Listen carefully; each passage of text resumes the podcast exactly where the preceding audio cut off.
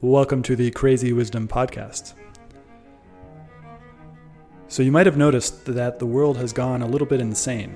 Um, and to get through this in a way that is sustainable and maybe even joyous, we are going to have to find some crazy wisdom, uh, which is why I named the podcast Crazy Wisdom. And I try to find guests who are both contrarian and right, uh, as well as people who can help us to understand how we can get through this period of both acceleration as technology accelerates and maybe even a little bit of darkness uh, as well as some of you may have been noticing really crazy stuff is happening right now. So um, my goal with this show is to empower you with crazy wisdom uh, and give you the tools to figure out how to do it on yourself because we don't can't rely on too much these days. Uh, so with that being said, if you like what I'm offering with this show, I'm on Twitter at Stewart Alsop III. My DMs are open. I'd love to hear from you about how this show has affected you. Thanks. Have a great day. Okay, welcome to the Crazy Wisdom podcast. My guest is Daliso Ignoma. Ngoma, uh, and he is a crypto flaneur uh, from uh, the Nassim Taleb's uh, kind of thinking, uh, just kind of basically, excuse my language, but fucks around and finds out. Uh, and uh, so we're gonna we're gonna be we're gonna be talking about crypto and NFTs and whatever else comes up. So welcome to the show. Yeah, awesome. Thank you, Stewart, for actually inviting me on. Sure. Uh, so you just said that you just buy random NFTs. What's the what's the coolest NFT that you've bought so far? Uh, well, as in right now, it's this one that is somewhat of like a joke. It was um, one by this one guy. I, I think his name is Armand, and it's it literally just says "stop being poor." As in, it's a bit of a joke. that was probably like was zero point one uh, ETH, and I just took it as a joke and actually just um, put it on OpenSea for like a hundred ETH. So if anybody actually buys that, fine, so be it. But yeah, stop being poor is probably the funniest one that I've actually bought.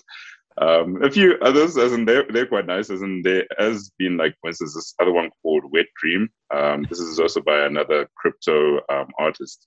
And yeah, I thought it looked cool. Um, placed a bid, even had a conversation about what is the whole idea behind the art um, and stuff. So I, I literally just buy stuff just because I, I like them. Sometimes I don't know what the story is behind them, but hey, um, it is what it is. And do you find these on Twitter or do you actually find them on the marketplaces themselves? No, it's primarily been Twitter. I think um, what I like about Twitter is that it ends up just being this uh, consumption machine where you just get things from different angles. Um, it's been one of those things where Facebook or even Instagram, I've rarely been touching on there just due to the fact that I just don't get that much new content. Yep. I was also playing on TikTok, but TikTok, for what it's worth, um, right now I, I I don't have my account logged in there. But just on the first, uh, I think it's what the FYP. I've forgotten what FYP stands for. But you just see the same random videos over and over again. So it, that also just gets boring. So that's why I've actually just stuck to Twitter. But Twitter's primarily been my my source to actually get um, NFTs and the likes. Even like one person I remember, she didn't have any clue about crypto, and she's recently become a bit of a, a crypto fanatic in terms of NFTs. And I've actually bought quite a few of her art pieces as well. It's just so fascinating because it's just like a worldwide market. Where are you right now? I am in Joburg or Johannesburg, South Africa. And uh, so, and it's just, it's just like a worldwide network. Like I'm sitting on top of a mountain in near like near the in the California Nevada Sierra Nevada ranges, about to go snowboarding, yeah. and like this this this this crypto thing is like the internet is also a global thing but the crypto is like a, a global thing within a global thing that doesn't seem it, it, it, you know like there's been a huge investment from silicon valley but it doesn't seem like silicon yeah. valley is the is the main kind of thing. It seems pretty decentralized all over the world that people can participate in this strange strange thing. Um, what do you think about that? Yeah it's interesting. It's like um, I remember listening to one room that Naval was in to say that you could actually hold your wealth in your brain. As in, it's one of the old things that my dad went about is that true wealth um, is in your mind um, rather than actually in uh, the possessions that you have. So just thinking about it, that you've got this mimic uh, phrase, twelve words you keep in your head, and that can literally open the vaults to um, your your crypto wealth in a sense, right? So yeah, as in to be quite frank, we're pretty much breaking down borders, and you can build a whole lot of things um, on the internet. Uh, funny enough, my focus, uh, apart from crypto, is more towards VR. So really just selling more VR uh, hardware, slowly but surely also a bit of AR hardware down here in South Africa. And so, what is the connection between VR and crypto? Because there has, uh, you know, remember I remember in the 2017 come up, there was basically a lot of talk about how VR and crypto are going to kind of uh, merge into one. Is is that been happening? Yeah. What's what's the deal there? Uh, I I really can't say. As in, I, I know one friend who recently just sold an NFT uh, for an avatar in, in VR. But prior to that, as in, it didn't really feel like there was much of a connection. Um, we we literally have just been in like VR, playing around, breaking out the possibilities which are there, and the connection is, I presume, because it's all internet based. That that's where the tie-in is, but the two can somewhat operate separately but I do see the convergence of uh, the two mediums where, hey, if things are going to be digital, how can I actually run um, digital commerce in a sense, which obviously is e-commerce. So that really ties into what we are trying to get at, as in we run a Shopify store, and that also allows you to actually use AR, but the AR is primarily just for visuals rather than actually purchasing.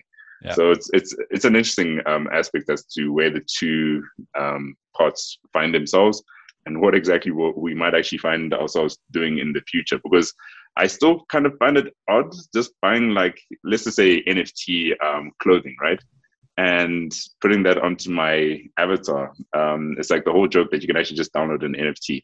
But I think it it does have that prestige. Um, the analogy that's used with the Mona Lisa, you can have a picture of the Mona Lisa, but actually uh, having ownership is a different um, ball game altogether. Yeah. Well, and it seems like so the you know the the internet is like a 2D version of what will eventually become the VR, which will be a 3D version, and and yeah. and crypto is kind of already becoming this kind of like way that you transact value on the internet. Although there are some incumbents like PayPal, um, but yeah. and, yeah. and and banks as well. Um, and so there, but then as we go more into these virtual worlds, and it's funny enough that the virtual the things that are really taking off for virtual reality are exercise uh, uh, games, um, and uh, and so you know as we build these kind of online for, uh, virtual reality first worlds, it seems like the crypto yep. and NFT thing is going to become that's going to become a. But an NFT is basically an NFT isn't actually like it just it's a thing that you buy that points to an https website right and that's where the content is uploaded from right yeah you're literally just paying for an autograph uh, sorry to say, but but but that's literally it. As an at the end of the day, when I think about it, it's like you don't actually own the actual digital asset, right?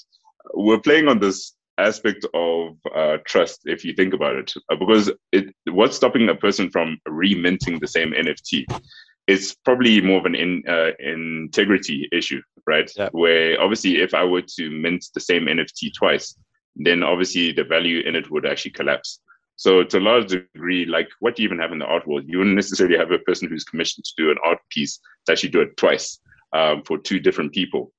So that's literally it. As in, it obviously does have a URL. I think is it IPFS, if I'm not mistaken, which allows for URLs to be decentralized and, the likes. But yeah, what it is is just pointing to um, a Web3 address, which would obviously be on the blockchain, and linking to a Web2 website.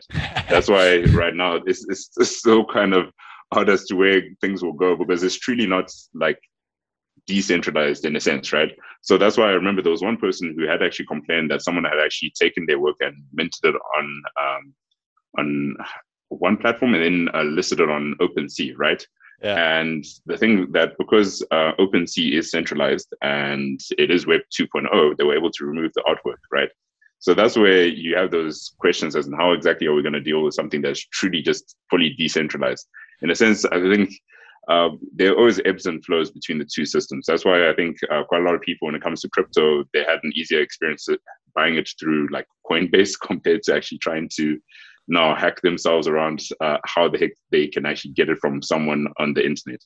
Yeah, and that's and that's been on my mind a lot recently, it, and it goes back to your point about the integrity thing because crypto. That's the way it worked with crypto as well because crypto is this mm. thing that secures trust that is a, is a new way of basically trusting something that hasn't existed before and that can't be attacked by any conventional means.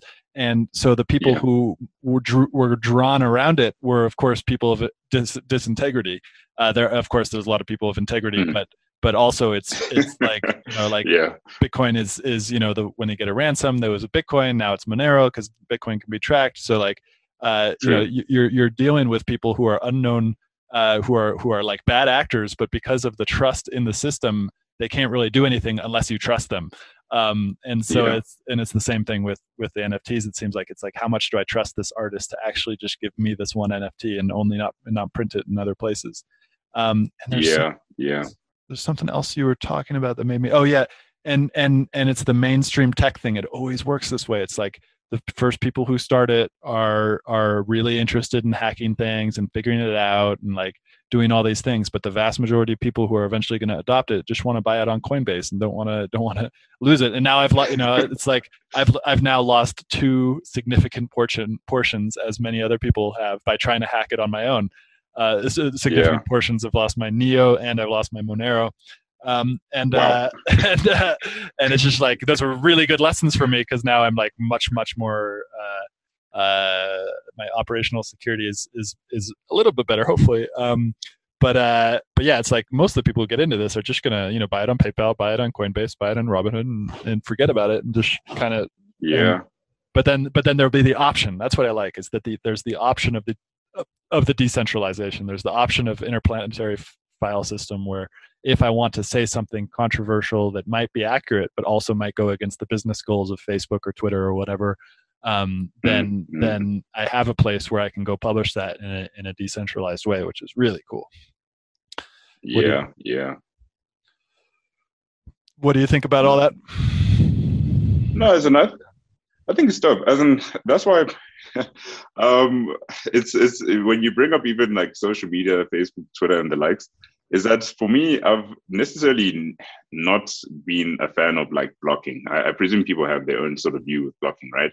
But at least, for instance, if I mute the person, it's like, yeah, they someone blocked us, and even if they replied to my tweets, I can't see them.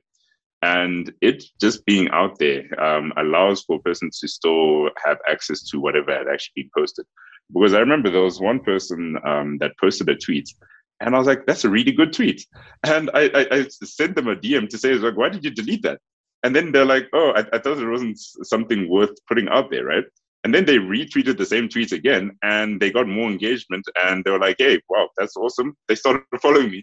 But I was like, sometimes I think um, the crazy ideas that people have, they think that nobody is actually willing to be receptive to yeah. that. I think you obviously have a, a, question where you have to balance um, the act of, hey, is this going to be more detrimental to society or not? But to a large degree, you can't really know. As in, you end up actually having a whole minority report situation, right? Where you're trying to predict as what the future will look like for for for a whole lot of people. But yeah, as in, I think when things are decentralized and they're just out there, um, the only issue, and it probably draws back to the whole Coinbase, and even like Facebook, even Twitter, is that uh, they are centralized bodies that actually filter out things so people can actually see them, right? Because I can just imagine, like with YouTube, you wouldn't necessarily want your kids to be watching every single video that's actually out there, right? Mm-hmm. To a certain degree, I think it's also just a leveling of actually having to find out how mature a person is. And mm-hmm. unfortunately, so you still have people who are like 30 and they're immature. But that's where I'm always just thinking, where where do you draw the line with some of these things? And I think obviously saying that a kid is um, a kid up until they turn 18 is probably a good line. then after that, hey, what responsibilities do they have to the information that they put out there and consume? Because it's always interesting and uh, as to people just being cancelled for things where you're thinking, but yeah, they were a kid, or probably they had a different viewpoint compared to what they are right now. But uh, somewhat, sometimes uh, the world or even the internet is not as forgiving in a sense. there's a there's a lot that we could go into from that. Uh, so I want to put a pin in two things. First is the is John. I've been listening to this uh, Awakening from the Meaning Crisis series on YouTube by John Vervaeke, and he talks about the difference yeah. between shame and uh, uh, and guilt. And so I want to go into that. And then the other one is that um, uh, I'm almost losing it. So yeah, okay, so we'll go with the shame and guilt thing. So so essentially like yeah. when when somebody gets canceled, they're usually getting canceled for what's called a purity code. and a purity code is something that basically humans get together and realize and as a group decide they don't like to like those things and some of them make sense like like um mm-hmm. like if i were if i were to spit in a cup and then drink that cup it's kind of disgusting you know it's like that part of me that you know is like and it, and it's like and it, so it's and, and but that that disgust that that disgust trigger at a neuroscientific level is like partly due to the insular cortex and so like it's a very deep deep emotional thing where it's like we see this thing yeah. and it's disgusting but it might not mm-hmm. actually be morally wrong like it's not morally mm-hmm. wrong to drink the spit it's just disgusting um and yeah. so and so the cancellation thing is like this deep deep uh disgust uh, but it also doesn't mean that it's not true and that's the craziest thing because like things change and like for the pandemic for example like the pandemic is real uh, people have yeah. are dying from it, um, but at the same time, it's also being used for all these nefarious purposes by governments that are trying to do crazy things.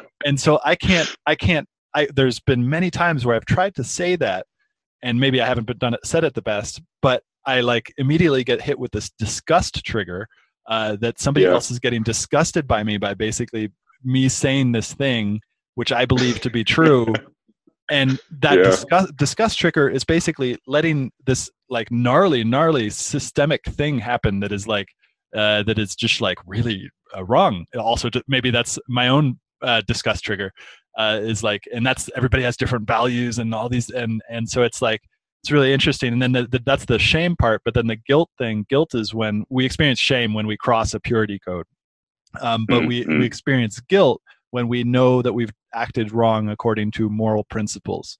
And those moral mm. principles mm-hmm. can be shared sometimes, or they can just be individual um, things. And uh, so I find it really interesting uh, about the cancellation thing because it's it all it's it's it's also like I'll bring an example: the centralized server of Facebook and the centralized business goals of Facebook only allowed mm. information that was pro lockdown.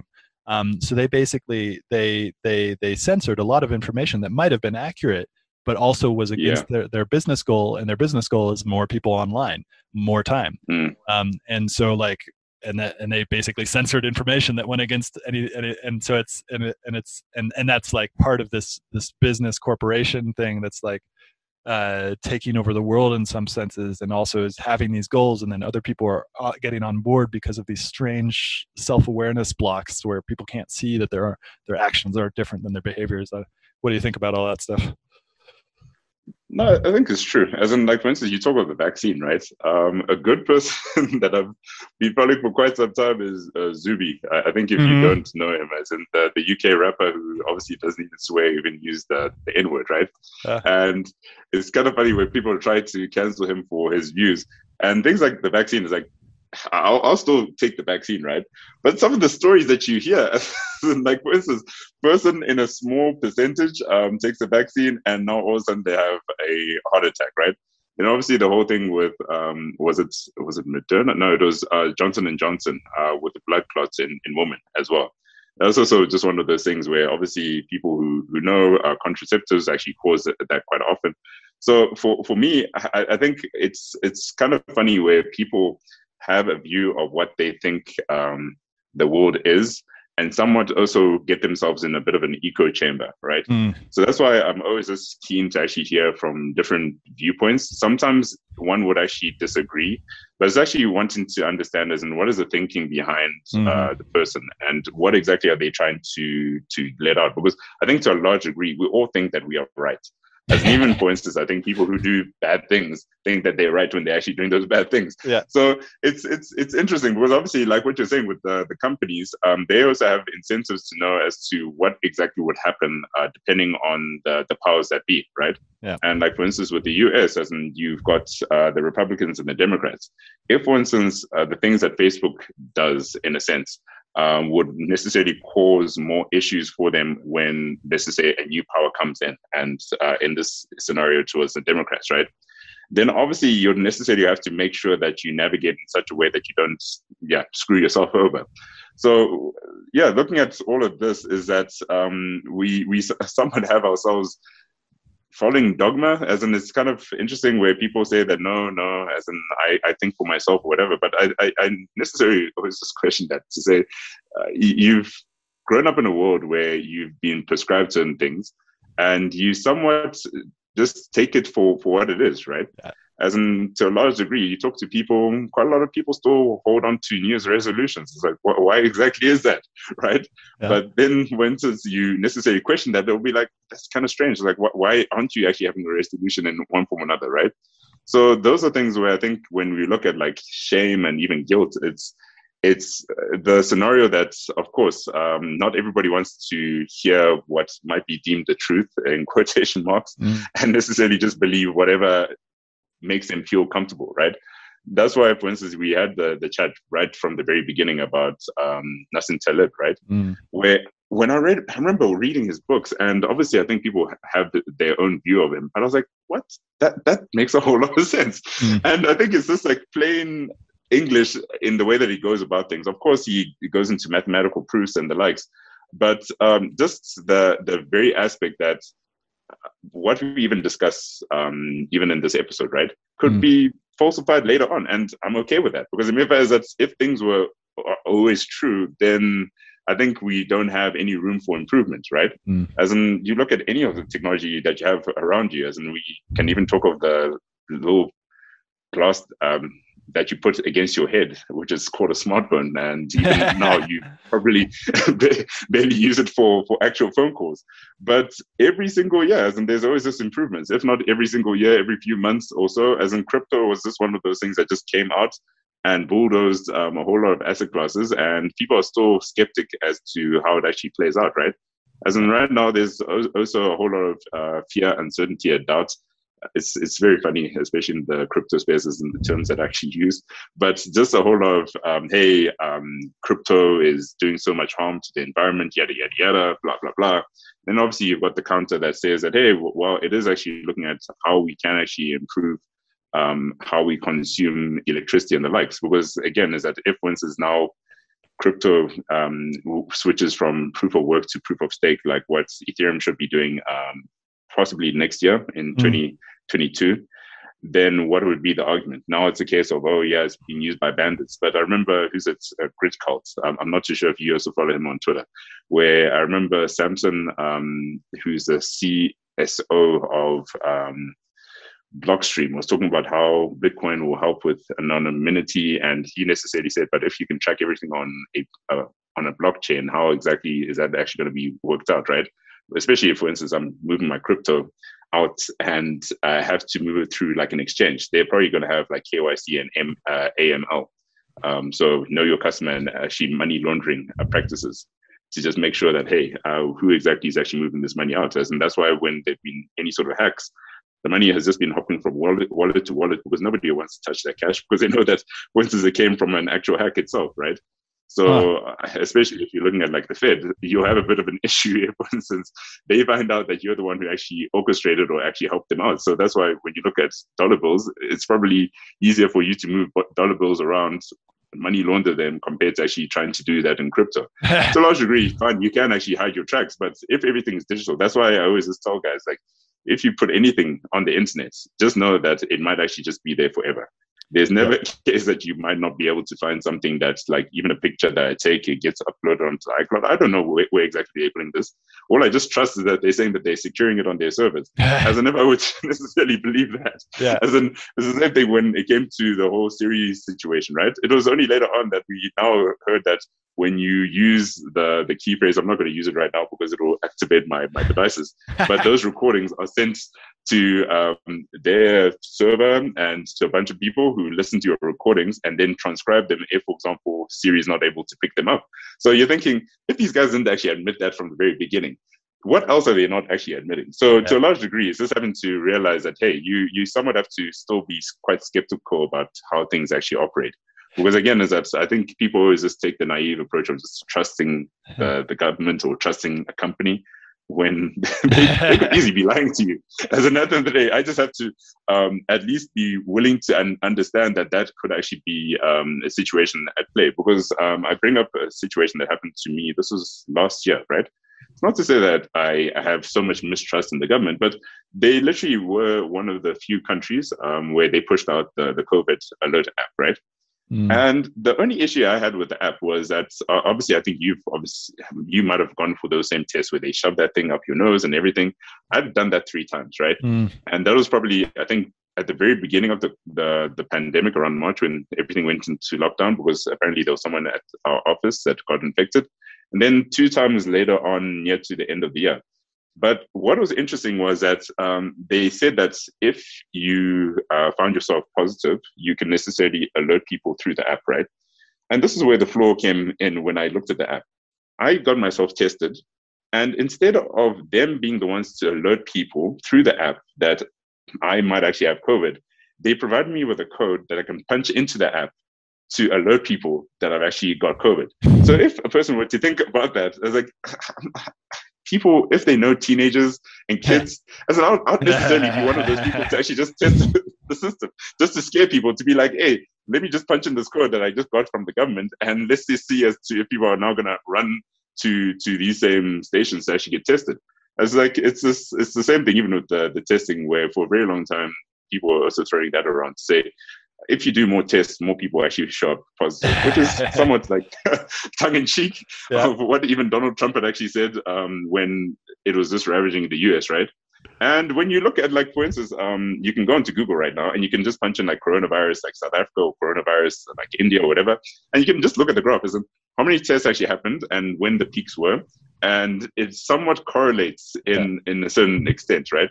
Which now questions the fact that hey, it is something that is affecting quite a lot of people. I just had a friend uh, recently, so he resides in Malaysia, where I was for around six years, and his grandfather had actually taken the vaccine, and shortly after, after actually um, got coronavirus or actually COVID, and died shortly after. So you can see that it's quite a lot of people being skeptical. It's just on the basis that it it can't be the case. As in, I even had my dad who was stuck in the hospital for like a whole month and he developed pneumonia because of um, COVID as well. So those are things that I think sometimes when people haven't experienced or gotten someone close to them um, going through the same sort of experience, there is still quite a lot of skepticism as to um, if it's real or not. Well, but yeah, I think yeah. that's yeah, yeah. You can you can continue. well, there's so much. There's so much there because uh, I, I, want. I want to. There's like so many things that you brought up that I want to go deeper into and the one that was most recent was just like the well uh, so no so i did why why are you in south africa and you do kyc and aml stuff? Uh, i thought that was only for us us citizens. No as in like for instance um with uh, there are two major exchanges. Um i'm not too sure how big the other one is but the the first one is called luno so l-u-n-o so it's a south african exchange right? So obviously for anybody who wants to now convert their crypto into fiat it's either that you go through an exchange or you have to find someone who's willing to actually buy your crypto yeah. and then send the money to you, right? But the things that the banks also do their own uh, KYC as well. So even if the money, um, if even if, for example, I send crypto to someone, right, and now there's a large amount of money that gets moved from one bank account to another bank account, right? It's not that hard to put two and two together if you think about it. As in, of course, I can deny it to a large degree, but I think if you're a good detective, you can somewhat actually pick up the clues as to what exactly is happening. It's the same thing when I've spoken to friends and they're like, "Huh, how did you know that the person was adopted?" certain things like um, like familial ties, right?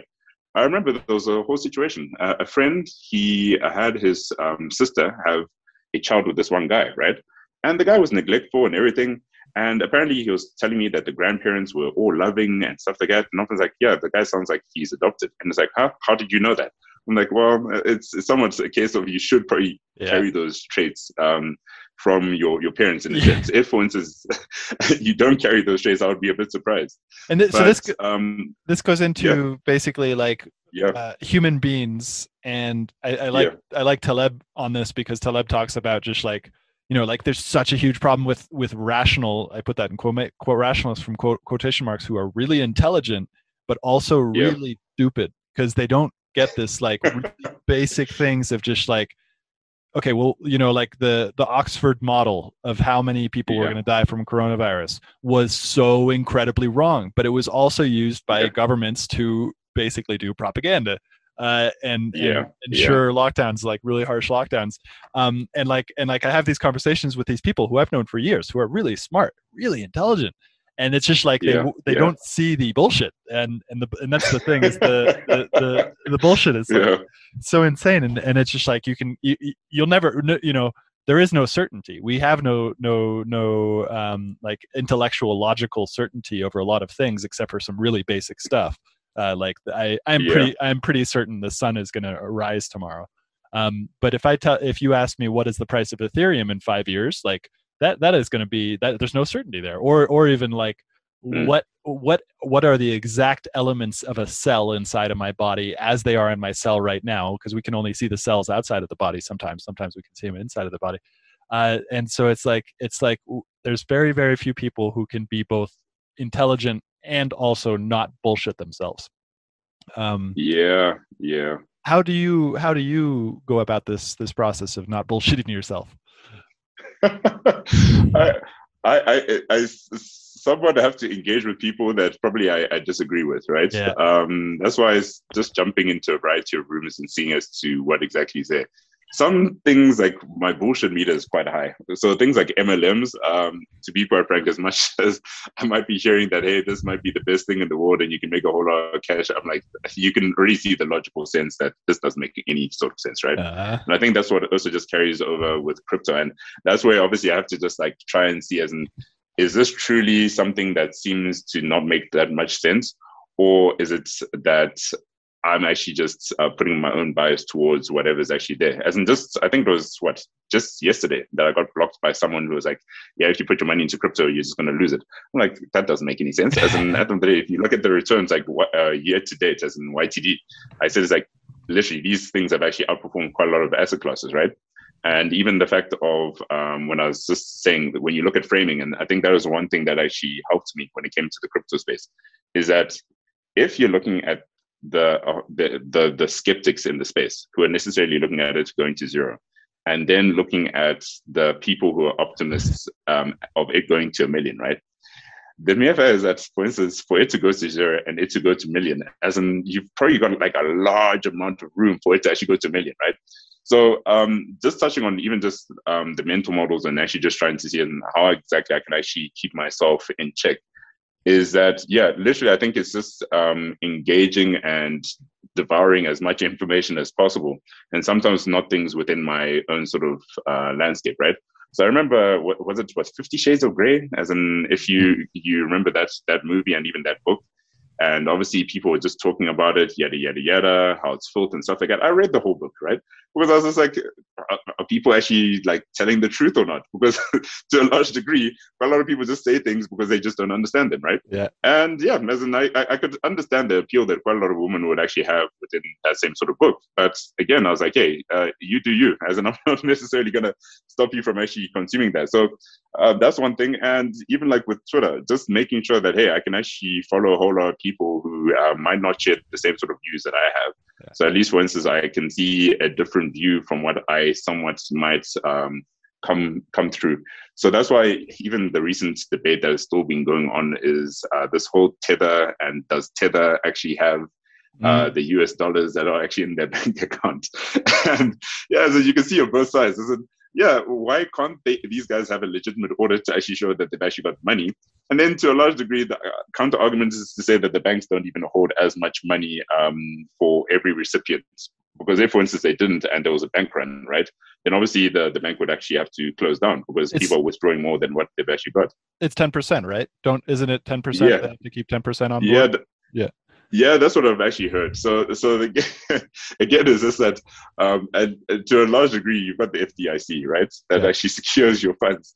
With Tether, as in, literally, it's the wild, wild west. That's why with crypto, it's funny that now we've got IDOs. I remember the ICO craze that happened in 2017. As in, hey, you you go through it, everybody knows uh, as to the the nonsense that is actually happening and we're just riding the wave. As in, certain parts actually make more sense. So, like for instance, for me, um, I've been bullish on uh, Bitcoin, but these days I think I'm now swinging more towards Ethereum in terms of um, its use cases. But I still necessarily hold Bitcoin because hey, um, it can still hold its value even if there are those fluctuations in the market. But yeah, as in, I don't have like an exact way of how I actually just try and make sure that I just don't have myself sounding like a crazy intelligent person. But yeah as in, that, that's the thing as in like for instance quite a lot of it's always so funny like for, for instance uh, people can like now throw ad hominems uh, on on twitter and you're thinking let's discuss the actual issue rather yeah, than actually just yeah, yeah. getting emotional about it. And i think that it's it's the the the whole sense of imagine if you've been wrong for 40 years of your life. Yeah that, that necessarily ruptures your your your your soul in a sense, yeah, right? Exactly. And that's something that I necessarily try as much as possible to find myself more wrong than I'm right, yeah. in order to just not have myself in a, a situation that 50 years later, um, hopefully, if I actually do get to that age, to say I was wrong this whole entire time. And again, you're going to defend it to the very end because, of course, it ties to your identity. That's why, obviously, the whole talk of um, religion and uh, politics um, hurts quite a lot of people, right? Because it ties to their identity. They can't necessarily separate that from themselves. So th- that's something that I think probably with science and the likes has actually turned itself into a relig- religion of sorts. And that's where, to a certain degree, I would actually tie that to the reason why I can see quite a lot of people being very defensive. Because remember, uh, Bella uh, actually mentioned it about the whole situation of uh, there's this coronavirus. Um, obviously, people should be wearing masks, uh, no handshakes. And then what happened with Fox, right? These guys went on to the full offensive. And then, funny enough, they reversed their position. And now you're thinking, guys, as an anthem today, uh, be a bit more skeptical as to um, what a person puts out. You don't have to ban them. I, I, think it comes to a certain degree, like what we even spoke about with um, shame and guilt, right? Yeah. I think to a large degree, everybody I would hope the majority of people necessarily think of something like a beheading being probably not the most pleasant thing to actually put onto the internet, right? Yeah. And also probably child pornography and probably a whole lot of other things, which to a large degree we somewhat all agree is something we should not necessarily have there, right? But it's it's one of those things that you probably have to carry a, a, a scale to actually figure out as in where exactly you fall and just trying to keep yourself sane because it does happen like what you're mm. saying as in right at the beginning of the pandemic it was it was it's just a flu it's just a flu as in i literally just had to tell my guys this is around february last year to say guys i don't know what exactly is happening but yeah better off actually working from home up until we figure out as to how things uh, turn out and sure enough march the whole country went into lockdown mm. first 21 days oh yeah it will pass then it got extended. Mm. Then we had this whole playing of levels and stuff like that.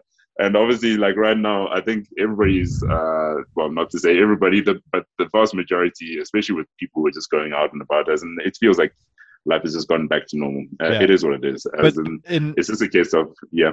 In, but in South Africa, the the it, yeah. it, the government is still like there's still a lockdown, but de facto it's it's open, right?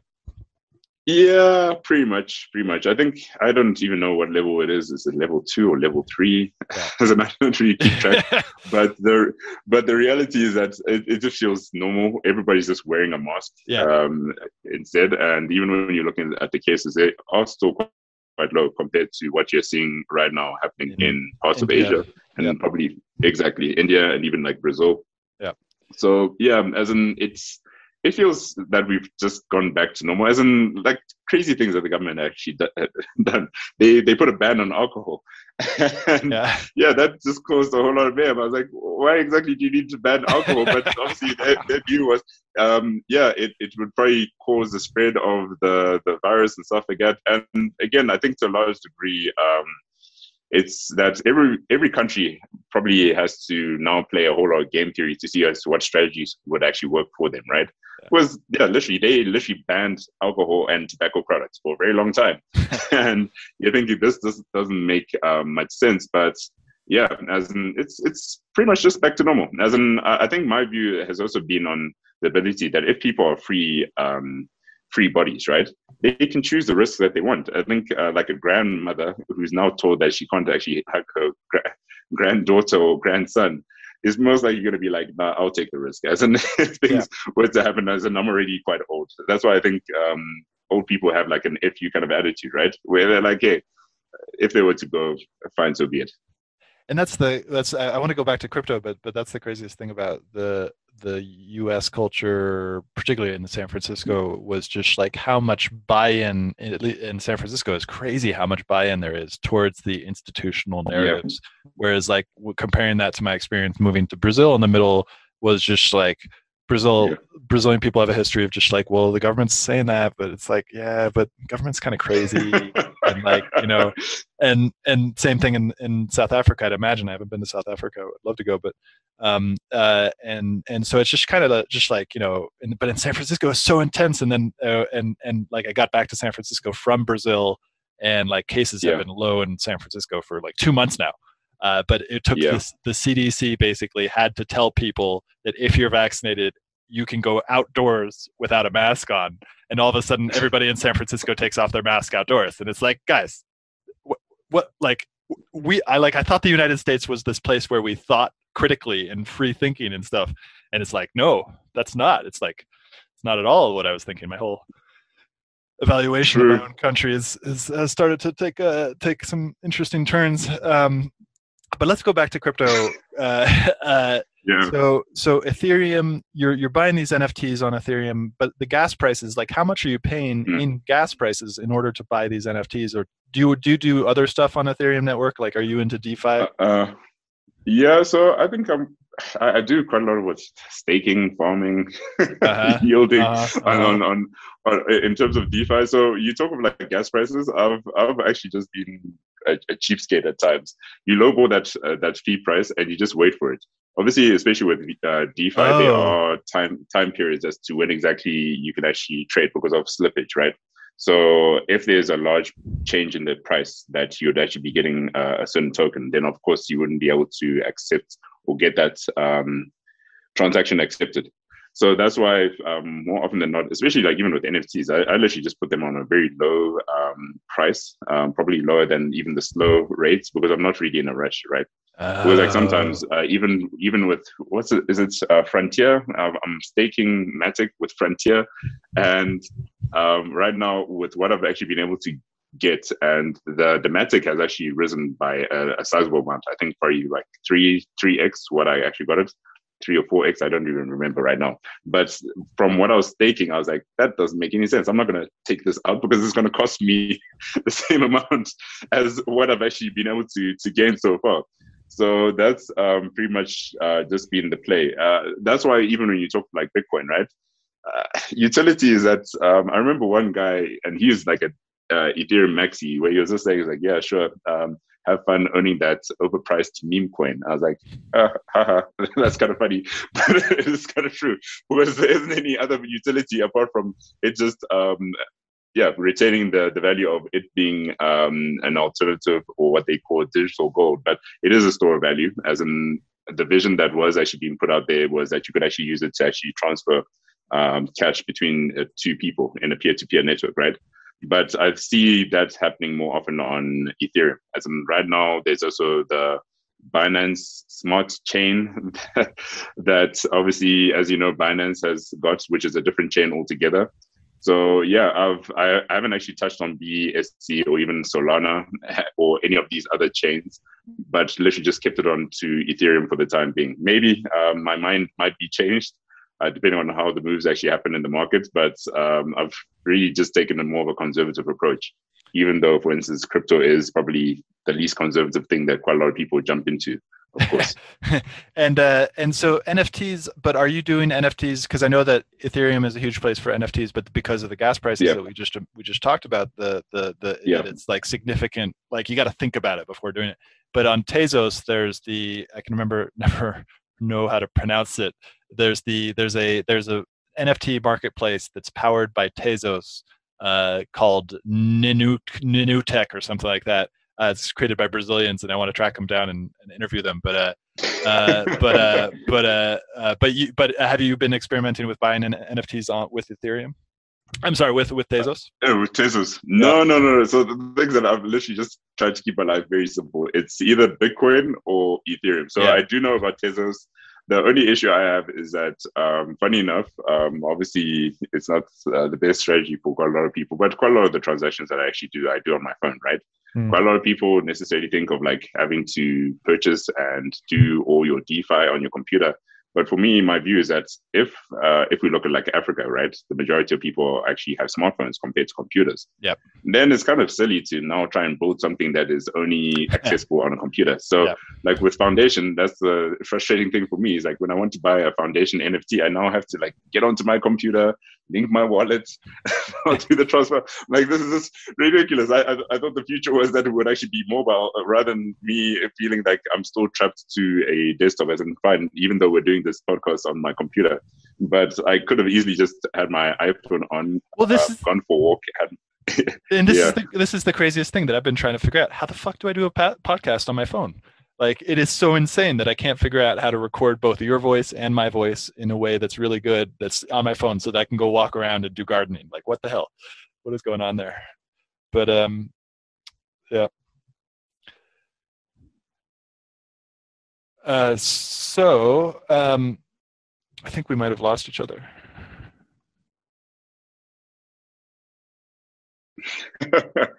hey Stewart, what happened? Uh, it was my internet, and uh, it was really funny because I was um, because uh, I was just thinking of like how awesome it is that I'm in my van uh, and that it was working, uh, but then the the MiFi device cut out. But that happens at my house too, so uh, so it's just like, it's just, but it's fine. We'll uh, we'll continue on, and uh, I think I was talk I was complaining about how I couldn't do a podcast on my phone, which was pretty funny. So uh, I don't know if you heard yeah. that part. True, true, true. Yeah. Yeah, so, yeah. Because I, the whole discussion was just to say it's like just experiment with like AirPod Maxes, your phone, probably Zoom call, put it on like cloud recording and see if that actually works. Yeah. And um, so so you haven't done Tezos. You're sticking to Ethereum and Bitcoin, which probably makes the most sense. I'm. It's really funny. Those are my two two big ones as well. But then like thinking yeah. about thinking about like how to uh, I, but then like you, you mentioned Matic, and so I like I went on Coinbase and I, I bought just a small amount of Matic. It, just like I buy these like yeah. little small small things as well. Um, and it's just so interesting once you get into crypto because it's just this like it's like this uh, hydra of very interesting new things that nobody really knows what's going on. Um, and and like, but some people kind of have these ideas, and you go in and you test it. Like I love, it was really fun to go on to Uniswap and and figure out how to use Uniswap. Have you figured out? Have you done Uniswap yet? Yeah, no, as I think I've played around with quite a few of the swaps. So was uh-huh. Uniswap, Sushi Swap, um, also the other one with One Inch, the aggregator, and all these other platforms. Um, it it makes it easier, uh, especially if it's like Ethereum based tokens, of course. Uh-huh. If they're not Ethereum based, like uh, for instance, Got it. I want to want to get Stacks. I think I'm not too sure if you know about Stacks, which is also building smart contracts on Bitcoin. Mm. And oh. that um, that obviously just needed to, you needed to actually get the tokens on an exchange like uh, Binance or even OKCoin. So that's where I typically have to jump if, for instance, um, yeah, I can't find a native, um, yeah, native Ethereum token. It will have to be on an actual centralized exchange, mm. which again also does their own KYC and the like. So it's not that hard for guys to actually track you down in a sense. So let's talk about like usage in Africa. Do, are you are you familiar with only South Africa, the usage of Bitcoin and crypto in South Africa? Or are you also pretty familiar with what's going on in the rest of the continent? No, I think um, I'm not gonna lie. It's primarily just South Africa. As in, of course, I've been hearing news reports and the likes of what's been happening in Nigeria, of course, right? Yeah, uh, with yeah. the centralized bank trying to close it down, and that's shot up the price. I know some of the aspects also happened in Zimbabwe um, probably a few years ago. I'm not too sure as to what the premium is, as in it's like what you talk of like Korea with the kimchi premium. Uh. to see as how much of a difference there is with the, the rest of the market. Huh. So I wouldn't really be too sure as to how things are going. But I think um, at least for South Africa, there has been talks of legislation as to how they will go about taxing uh, crypto and the likes. Um, obviously, when you look at the US market, that's already in place, right? Well, Where at least well, you can actually yeah, yeah. Well, so so it's in it's in place, but it's it's in place, but it also keeps some crazy incentives. I, I did an interview with yeah. one of my favorite people, Dan Dan Hannum, uh, who who yeah. I think if you don't follow him on Twitter, I think you would really enjoy his stuff because he is deep knowledge, very deep knowledge, and uh, and so he works for this t- crypto tax platform. And in the U.S. right now, if I pay somebody with Bitcoin, I'm essentially selling property, like selling a house to them. Uh, it, it's not like yeah. I'm using currency, so I'm basically taxed in this crazy way. So I can't use Bitcoin as a currency. I can only use it as this kind of like thing that I invest in and makes more money. Which I mean, it's kind of property like in, in a way as well. But but it's like it's like it's a currency, but I'm but I'm being taxed as if it's a it's property. Um, and so uh, so and then and then with the ethereum thing but then there's other incentives like we can do tax loss harvesting so if i if i if i'm playing around with ethereum i can basically harvest i can sell my ethereum at a loss or something like that. It's like uh, you basically sell at a loss so then you pay less taxes on other things. And so it's just like this this just like gameable network but in order to game it you have to like know it really well. And i don't know it really well. I want to i want to i want to play that i kind of want to figure it out. But but that's but it, in you know but if i compare that with somebody in nigeria like the tax system yeah. in nigeria isn't that great already. So it's like i don't think most people are paying their taxes anyway and so like no, in, Nigeria, no. in Nigeria, you can just like pay people with Bitcoin and there's no problem because you don't have to think about, oh, back in, in April, I'm going to have to, I'm going to have to pay like 40% on my, on the Bitcoin that I paid somebody. Um, so. Yeah, yeah. No, it's interesting because what you bring up, um, the one book that I was actually thinking of, uh, it was Rule Breakers and Rule uh, Makers. Uh, I'm not too sure if you've actually heard of that book, which necessarily talk, talks of culture, right? So mm. obviously, as to how people like in China can be obedient compared to like the US, where there's a bit more rebellion com- compared to even like ah. Brazil, where I think everybody's a bit more loose, right? Yeah. So in terms of the rules being loose and tight, depending on um, also the cultural setting. But yeah, like with what you're talking about with crypto, I think probably quite a lot of people are doing the thing that um, rich people also do with their shares, right? You just borrow against it. For yeah. instance, it just goes up in value. Value, you necessarily just take it as collateral and actually uh, borrow against that, rather than actually having to sell the underlying asset. Yeah. With like what you said is, is kind of true. That if I'm going to be selling my crypto and I have to now realize um, the gains, right?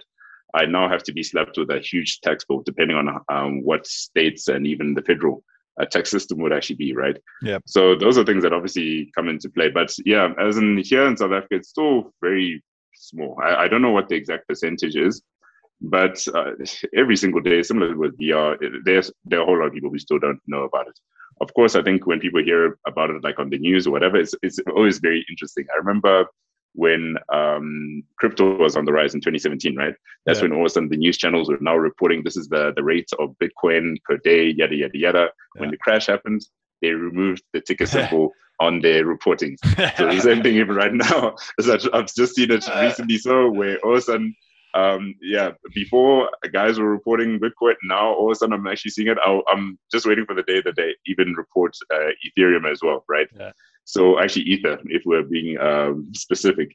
But yeah, as in it's just been one of those things where at least SARS, uh, yeah, I'm not going to necessarily throw them under the bus in case they're actually listening. But um, in terms of the revenue ser- service, um, funny enough, SARS shares the same um, acronym as SARS itself. But yeah, it's the South African uh, Revenue Service. And uh, literally, yeah, they, they are looking at ways that how they can actually tax people on crypto. And it seems like it would be similar where it might be CGT, so uh, capital gains tax, or pretty much on an income basis if you've been holding it for less than three three years, right? And so ta- those are things that obviously just yeah. And for tax organizations in countries like South Africa yeah. or Nigeria or even Italy, yeah. where, where there isn't high tax compliance, it actually makes like I, mm. I, think it's actually like a win for those tax organizations because it's digital. It can be tracked, um, and so so like it probably they'll probably probably like it's probably an avenue for them to actually actually get tax revenue whereas before they they're kind of like when everybody's doing everything in cash there's no opportunity for them to actually go and collect. It's in russia the same thing in russia probably too. Um, true true true. but then can have you ever paid for anything in bitcoin in south africa? Uh no. As in uh it was just recently so probably a month ago also that we had actually received a payment in bitcoin for mm an Oculus Quest. Uh, but apart from that, paying for things in Bitcoin is not that common. I think I've been like, if I'm going to pay for Bitcoin, I'm going to lose that Bitcoin. Yeah. So I've just been stacking sats rather than actually trying to sell it, if, if anything. Yeah. Well, and that's the strange thing because essentially, like with the deflationary aspect of it and the fact that the Satoshi didn't figure out, which is that if people lose it and then it's lost forever, so it also deflates to do, to do that. It's just like I love the meme yeah. of I love the meme of there is no top you know like it's just gonna it's just gonna continue to grow and so like if it continues to grow and there's yeah. never this kind of stabilizing factor at like this is the price at which bitcoin's like stabilized now uh, then it just continues to be this thing which just like nobody ever wants to use it as a currency maybe that's fine maybe the use the use the the stable coins as the currency and then the ethereum is true, just like true. a whole whole other thing where it's just like what is this thing? Is it is it a currency? Is it a is it is it this this thing that's going to power this new next version of the internet? Is it like what the what the hell is going on here? Yeah. Yeah. no, but it's actually interesting as in how things are actually just playing out right now. Uh, who would have thought, uh, probably like before the t- 2000s, as to us getting into this whole mania? But I think there's just been so many contributions in terms of developments, in terms of even like tech, right? Yeah. that we find ourselves even being able to have like a Zoom call. Yeah. And this is like miles away, yeah. probably like thousands of miles away compared to, I think, having to obviously have the person in, in person or I don't know, maybe having to like write a few questions and then getting them to actually send it back to you. Mm, I, I love I love parts of it, and then of course parts are also other parts are really difficult too. So. Yeah, yeah, yeah. Okay, well, I, I should uh, should get going though, but uh, let's let's end it on a kind of like, is there anything that I should have asked you that uh, you know a lot about that that we should talk about for the last five minutes or so? Oh well, no, no, let's do uh. let's do let's do ballroom dancing. I want to understand uh, what you were doing ballroom, ballroom dancing. Did you go to Did you go to a group class? Uh, yeah. the group, group classes are open? Um, yeah, so, so it's like with quite a lot of the things that have actually happened to me. Um, there was, is it Aikido? Um, yeah, I remember Aikido. Uh, uh, for whatever reason, I think I was like reading about it on um, the internet or whatever, and I was like, oh, okay, uh, might as well just try Aikido. That didn't actually last that long because I wasn't actually that interested per se, right? Yeah. Um, for ballroom dancing, that actually happened where um, the gym uh, that is near to my place is like a five minute uh, run, right? So typically, what I would actually do is that I would run to the gym and then I would um, obviously do weights and often run back home, right? Mm. And what happened is that there was this one time that I just decided to uh, now run back home. And instead of actually running back home, I just decided to run in the parking lot um, because where the ballroom dancing is actually at a shopping center, right? And I, I was like running and then I heard music just from the top floor. And uh, I was like, I was wondering, like, what the heck is actually happening there? I didn't even know that they actually were having dance classes. So I like now rang the intercom to say, "Hey, what's actually happening up there?" So there was a bit of communication over the intercom, and they just told me, "Just, just come upstairs." so I did that, and the rest is history. As in the first, um, first class I had was with a male uh, teacher, uh. And then after that, um, like right now, I'm actually dancing with the owner of the actual um, club itself. So yeah, it's just been a case of really just getting myself out there, trying something different. Um, to be to be quite frank. And what is the what is the thing drawing you back to the classes? What it about it is it is making you come back? Uh, I think it's probably because I've never really been a good dancer, right? So um, when I was growing up in like my teens, I, I did get into a bit of uh, not not ballroom, uh, breakdancing for a bit, right? Mm. And yeah, as in the applications of breakdancing and like normal dance scenarios is very like mute to be quite frank. As in, I'm not going to necessarily now all of a sudden be like breakdancing in a club, especially when obviously you know that the glasses and everything are just like on the floor. It's not going to happen. So yeah, it's just been a case of something that's um, a bit of a challenge, something out there for me, um, something that I I thought that hey, I might be bad at it, but really just trying to push myself to actually see as in how far I can actually go with it. So it's been probably close to two years so far, that's and so cool. I've actually enjoyed. Yeah, I've actually just enjoyed every step of it. So it's ballroom, so it'll be what swing, uh, foxtrot, um, waltz, tango, and then uh, for the Latins, it'll be uh, the rumba, samba, cha cha, and now I'm actually just forgetting it. Salsa? Um, rumba, samba. No, it's not the salsa. Okay, well, anyway, uh-huh. if I do remember it, I'll let you know. Yeah. But yeah, that's primarily just been it. Um, just going um, for classes either once a week or twice a week. Really just trying to push myself. Um, I do it for fun, but then there's also the exams. So they are like school figures, just trying to get the technique down then also doing the freestyle and the likes. And obviously, there's even socials on Fridays where you get to dance with quite a few people. But um, it has been a bit more infrequent because of the coronavirus. Yeah. But yeah, there's I think one lady who's probably like 80 plus years old who's necessarily dancing in the cl- uh, in the same club. So hey, she's not really that bothered about uh, getting yeah, infected in a sense. Yeah. Yeah. Okay, well, yeah, sometime in the future, I'm I'm planning a trip to Gabon um, at some point, and so I'm going to try to go to Nigeria, okay. Nigeria, Gabon, and now it's making me think about going to South Africa as well. So, um, would be really cool to check out the partner dance scene as there, because that's one of the cool things about it's one of the cool things about partner dance. You can go anywhere anywhere in the world, and you can you can do classes in it, and it's great. It's just such a great way to meet people, local people, and in this way that's really yeah. like social and stuff like that. So we will we sure, will sure, come to Johannesburg at some point and we'll do some some partner dancing and stuff. So uh, yeah, thank you so much. And I think we should do at some point if you're up for it. We should. I would love to like. I don't know how to do, do DeFi, and it would be really cool to do a video kind of like walkthrough of how to how to get into DeFi. Um, no, no, no stress, no stress. As in, funny enough, um, obviously just being in touch because I had gotten to just know about you because of uh, the podcast that you actually mm-hmm. put out. But then it was when all of a sudden I, I saw Wiz's name on your listing. I was like, huh, this is actually kind of interesting because um, Wiz actually travels quite a bit and I've bumped into him a few times down here in South Africa as well. Huh. So I'm not too sure maybe that's something that we can actually even organize that. Oh, yeah. Pass through Africa. totally. Yeah. and, yeah. We can actually... yeah. Love to meet up with Wiza as well. Yep. Yeah. Yeah. Yeah. Okay, Daliso, thank you so much. And uh, how can people find out more about you and what you're working on? Uh, so simple. It'll probably be uh, on most crypto platforms. It'll be Daliso, so D A L I S O. But on Twitter, it'll be DJ Ngoma. And yeah, that's pretty much where I'm literally either tweeting random thoughts, retweeting things in the space. I think I should actually be retweeting more things in VR because literally now I'm actually known as a crypto guy. But I was like, but that's not what I actually do on my day to day basis. But it might also be a bit of a side. But yeah, yeah as in uh, DJ Ngoma, um, my DMs are open even if, for instance, you're not actually following me. So hey, we could actually uh, link up and actually even have a bit of a chat.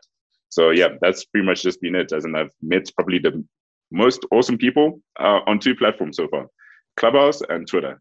Clubhouse haven't been on there for quite some time because I think the audio aspect can only just go so far. Uh, but Twitter, because of it being text based and also videos and photos, at least that's uh, another place that I've been more interactive with people. To be very cool. Quite frank. So follow Daliso yeah. at D N D J N G O M A. D J N G O M A. Thank you, Daliso. Yeah. Hope you enjoyed this episode. I'll be publishing episodes every Monday, Wednesday, and Friday in the morning. If you did enjoy this episode, please find us on iTunes, Spotify, Stitcher, many of the major podcasting platforms, and go ahead and give us a review. And also subscribe. And as always, I'm on Twitter at Stewart Alsop III. Come join the conversation as we aim towards the truth and the funny thing about truth is that you can't really put it into words because every time you put the truth into words, create a linear narrative out of something that is nonlinear. The truth is nonlinear. It's not. It's. It's. If you really recognize the truth right now, your mind wouldn't know what to do. It'd be overwhelmed by beauty pain, or it's it's something that is beyond our linguistic capability to represent. But that doesn't mean that the language isn't helpful. Language can point us in the direct, right direction, but it's it's not it's not the truth itself. And so, come join this collective inquiry into the truth. Find me on Twitter at Stewart Alsop III. Uh, subscribe to the podcast. Share the podcast with your friends. Uh, most people don't have the ability to let go of this linguistic understanding of the way that the world works and just aim for the truth, regardless of what the language tells us. Uh, and so I think what I'm doing with this the show is is necessary for us because as we enter this stage of uncertainty, uh, and we are most definitely entering an age of uncertainty, and as we do, it's really really important that we stop paying attention to what the mind is telling us doesn't mean to say that the mind doesn't have its place. The mind obviously has its place, but it's just one of the senses. It's just one of the tools that we can use. We can use the mind, we can use the feelings, we can use our actual senses. Uh, we can check our intuition with other people because sometimes the intuition tells us the wrong thing as well. Sometimes the intuition is wrong. So it, we can't we can't rely on any one tool to get us there. So come join the show. Find us on iTunes. Find us on Twitter at Stewart Alsop III. Uh, and come join the, this inquiry for truth.